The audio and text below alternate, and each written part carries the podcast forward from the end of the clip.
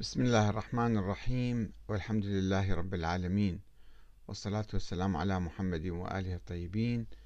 ثم السلام عليكم أيها الأخوة الكرام ورحمة الله وبركاته. هذه هي الحلقة العاشرة من سلسلة نقد العقل الإمامي. آه، الشيخ جواد التبريزي نموذجا وهي تدور حول موضوع التسامح في أدلة السنن. وكما قلنا سابقا إننا نعتمد في بحثنا هذا على كتاب للشيخ المرجع جواد التبريزي وهو أحد المراجع الكبار في العقود الأخيرة. هو تلميذ السيد الخوئي وزميل السيد السيستاني وأستاذ لعدد من الفقهاء والمراجع في قوم حاليا. لديه كتاب بعنوان الأنوار الإلهية في المسائل العقائدية.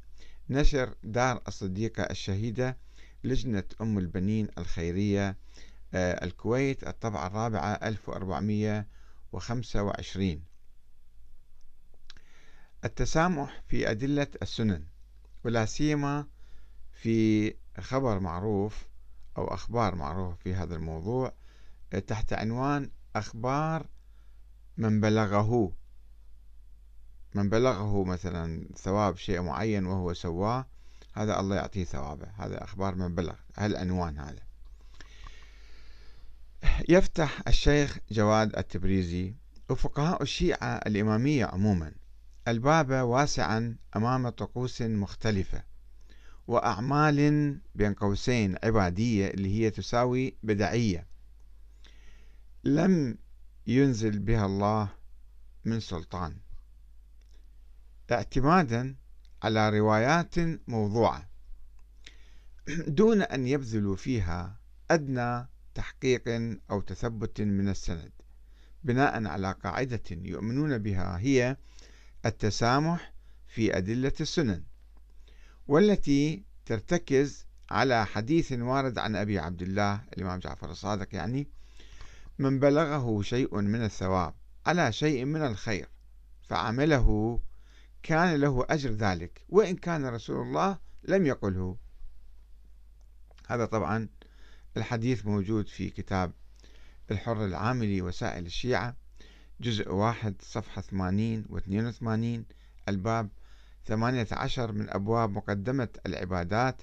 باب الاستحباب الإتيان بكل عمل مشروع روي له ثواب عنهم. أي شيء تسمع أنت هذا ثواب مستحب مثلا؟ فروح سويه أنت الله يعطيك أجر وثواب. وفي الحقيقة يوجد في التراث الحديثي السني حديث مشابه لذلك وهو من بلغه عن الله عز وجل عن الله فيه شيء فيه فضل فأخذه إيمانا به ورجاء ثوابه أعطاه الله عز وجل ذلك وإن لم يكن كذلك. الله ما مقرر هالشيء بس هذا قربة إلى الله تعالى عمل به الله يعطيه أجر وثواب. هذا الحديث يرويه الحسن بن عرفة اللي توفى سنة 257 في أواسط القرن الثالث الهجري. في كتابه جزء ابن عرفة. ولكن علماء الرجال السنة يضعفون هذا الحديث بوجود السند ماله ضعيف بوجود خالد بن حيان الرقي في سنده. كما يقول الذهبي في ميزان الاعتدال يقول كان ضعيفا منكر الحديث. الذهبي ميزان الاعتدال 2417 يقول التبريزي شيخ جواد التبريزي إن هناك عدة روايات وفيها الصحاح. يعني بعضها مو صحيح بعضها صحيح وفيها الصحاح. دلت على أن من بلغه ثواب ثواب على عمل وأتى به رجاء ذلك الثواب فإنه يعطى إياه. وإن لم يقل الرسول أو المعصوم لاشتباه الراوي أو لاعتماده في النقل على آخر ويعبر عن هذه عن هذه الأخبار بأخبار من بلغ وعن القاعدة بالتسامح في أدلة السنن. هذا في صفحة 64 من كتاب الشيخ التبريزي.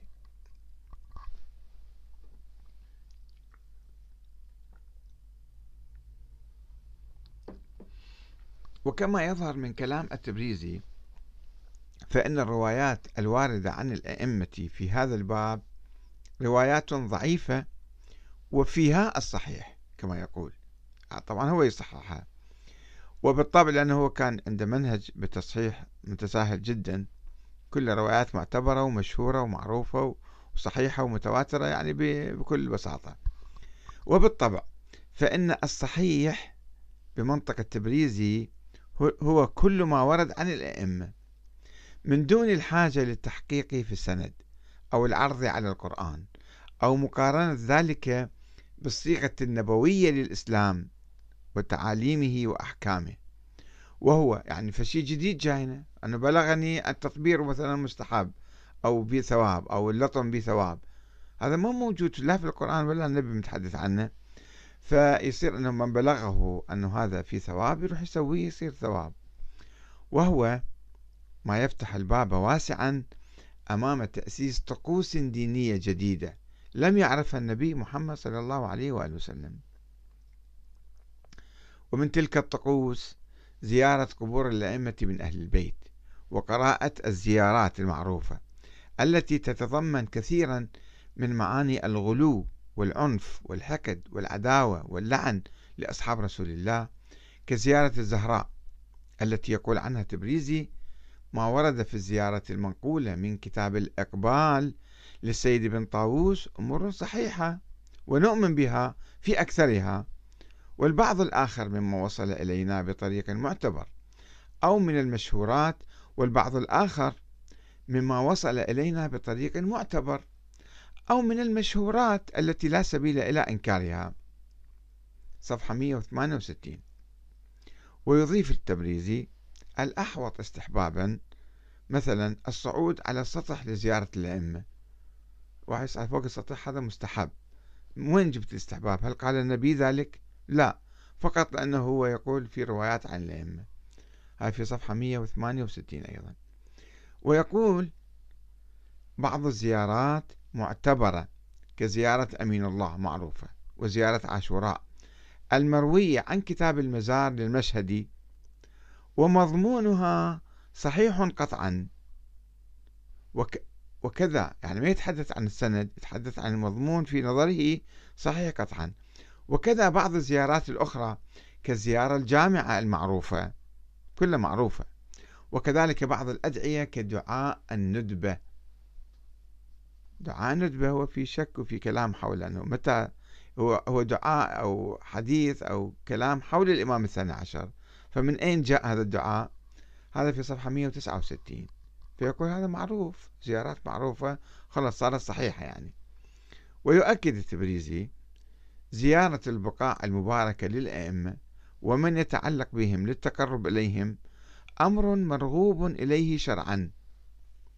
طب على أساس أي آية قرآنية وعلى أساس أي حديث نبوي هذا ليس مهم هذا في صفحة 170 ويعتبر التبريزي زيارة الأئمة كزيارة النبي من العبادات المستحبة صارت عبادة عند جميع علماء الإمامية. وقد وردت في ذلك الروايات المتواترة المروية في كتب المزار والكتب الأربعة والإتيان إلى زيارته مشيا على الأقدام مستحب أيضا. أن تمشي مستحب مثل الحج يعني. وقد ورد ذلك في زيارة أمير المؤمنين وأنه بالمشي يكتب الله له بكل خطوة حجة وعمرة. بكل خطوة حجة وعمرة. وإن رجع ماشيا كتب الله له بكل خطوة حجتين وعمرتين. والروايات الواردة في المشي إلى زيارة سيد الشهداء الحسين كثيرة جدا وقد عقد في الوسائل كتاب الوسائل بابا مستقلا في فضل المشي إلى زيارته. وورد في صحيحة الحسن بن علي الوشاء التي رواها الصدوق في كتاب ثواب الأعمال ورواها أيضا ابن قولويه في كتاب المزار ذلك من القرن الرابع الهجري. رواها بسند صحيح. قال قلت للرضا ما لمن أتى قبر أحد من الأئمة؟ قال له مثل ما لمن أتى قبر أبي عبد الله الحسين يعني. وظاهر هذه الرواية القريب من التصريح أن السؤال الأول راجع إلى ثواب الإتيان. فإذا كان المشي في الإتيان لزيارة أبي عبد الله أفضل من الركوب لزيارته كما أشرنا إلى الروايات فيه فيكون الثواب في الإتيان لزيارة سائر الأئمة مشيا وركوبا كالإتيان لزيارة أبي عبد الله. وعلى هذا فلا يصغى إلى وسوسة بعض الجهلة الذين ينكرون فضل المشي إلى زيارة الإمام الرضا فإنهم غافلون عن مدارك الأحكام والعبادات المستحبة ومواضع الاستظهار وكذلك لا يعتنى بأقوالهم ولا عقائدهم في أمور الدين. على صفحة 170 انتهى كلام الشيخ التبريزي. وهكذا يعتبر التبريزي الجزع لما أصاب أهل البيت من من العبادات. أنت تقعد تبكي وتلطم على رأسك هذا من العبادات. كما ورد ذلك في بعض الروايات الصحيحة. 175 لا يقول مثلا سندها ماذا؟ وأساسا شيء جديد جاء بالدين مثلا. ما موجود في الإسلام ما موجود عند النبي محمد ولا بالقرآن. يصبح هذا عبادة. ويفتي التبريزي يقول لا إشكال ولا ريب ولا خلاف بين الشيعة الإمامية في أن اللطمة ولبس السواد من شعائر أهل البيت ومن المصاديق الجلية للآية ذلك ومن يعظم شعائر الله فإنها من تقوى القلوب.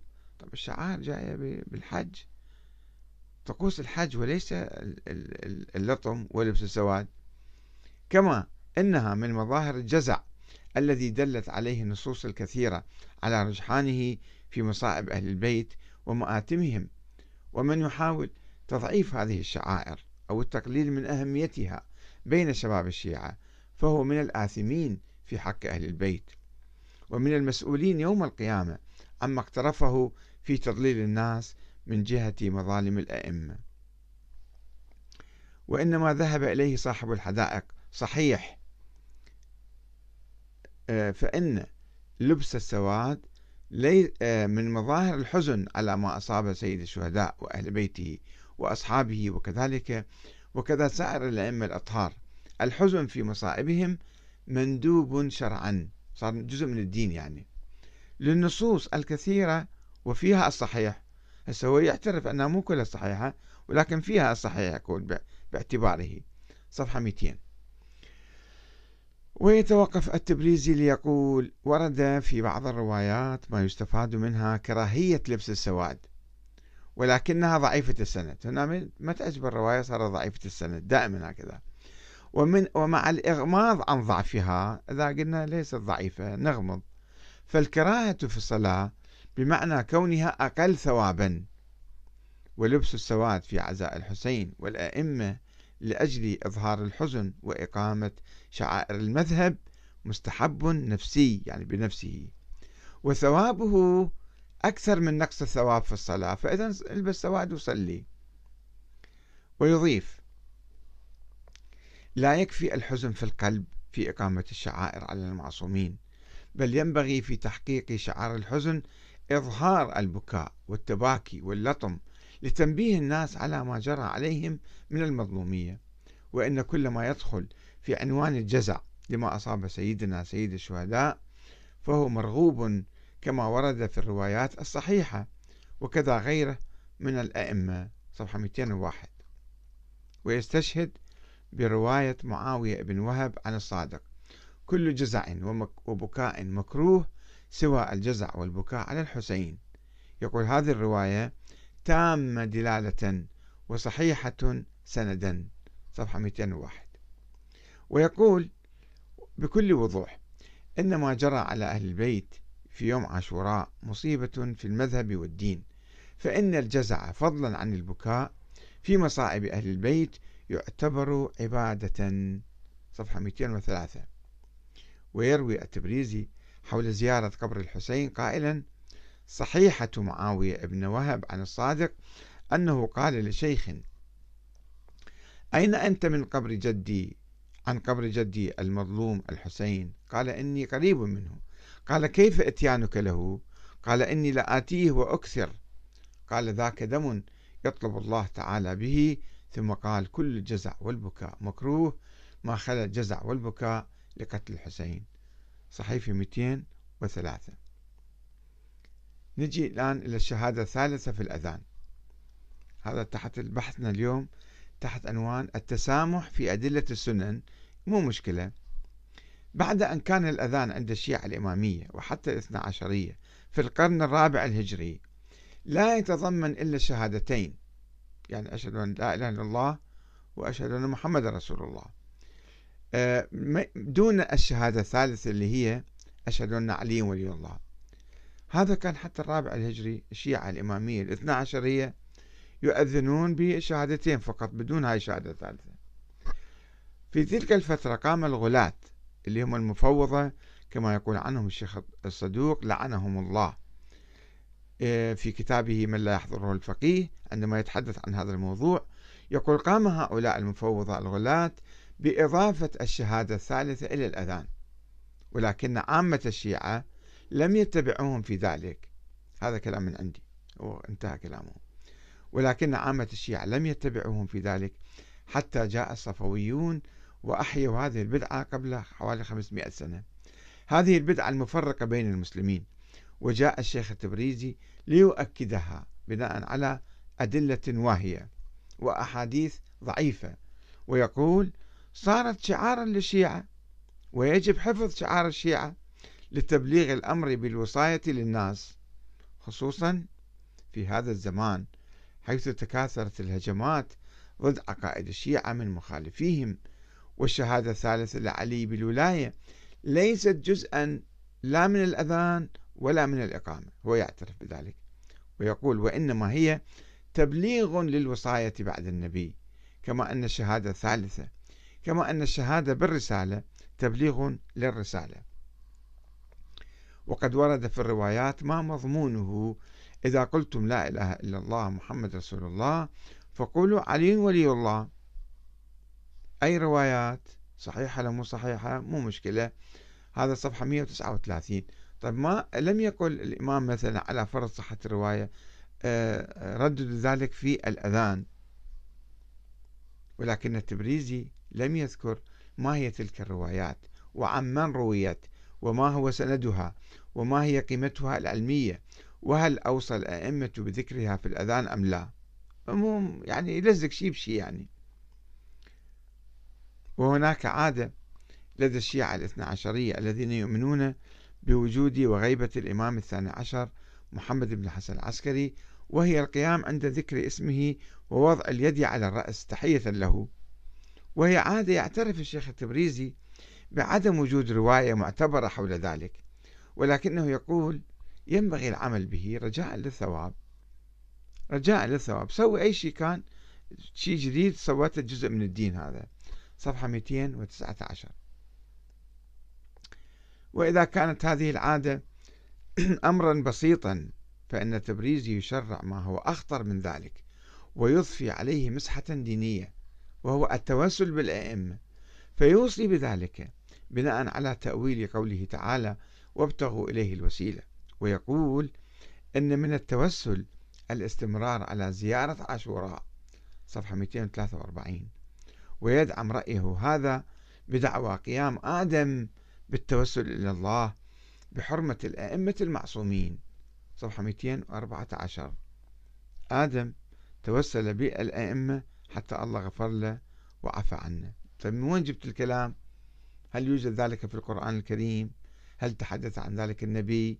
أم روايات منسوبة إلى أئمة أهل البيت وهي غير صحيحة؟ وحتى لو صحت لا يمكن أن نعتمد عليها لأنها رجم بالغيب. ولا يوجد فيها علم آه، من الله تعالى. والسلام عليكم ورحمة الله وبركاته.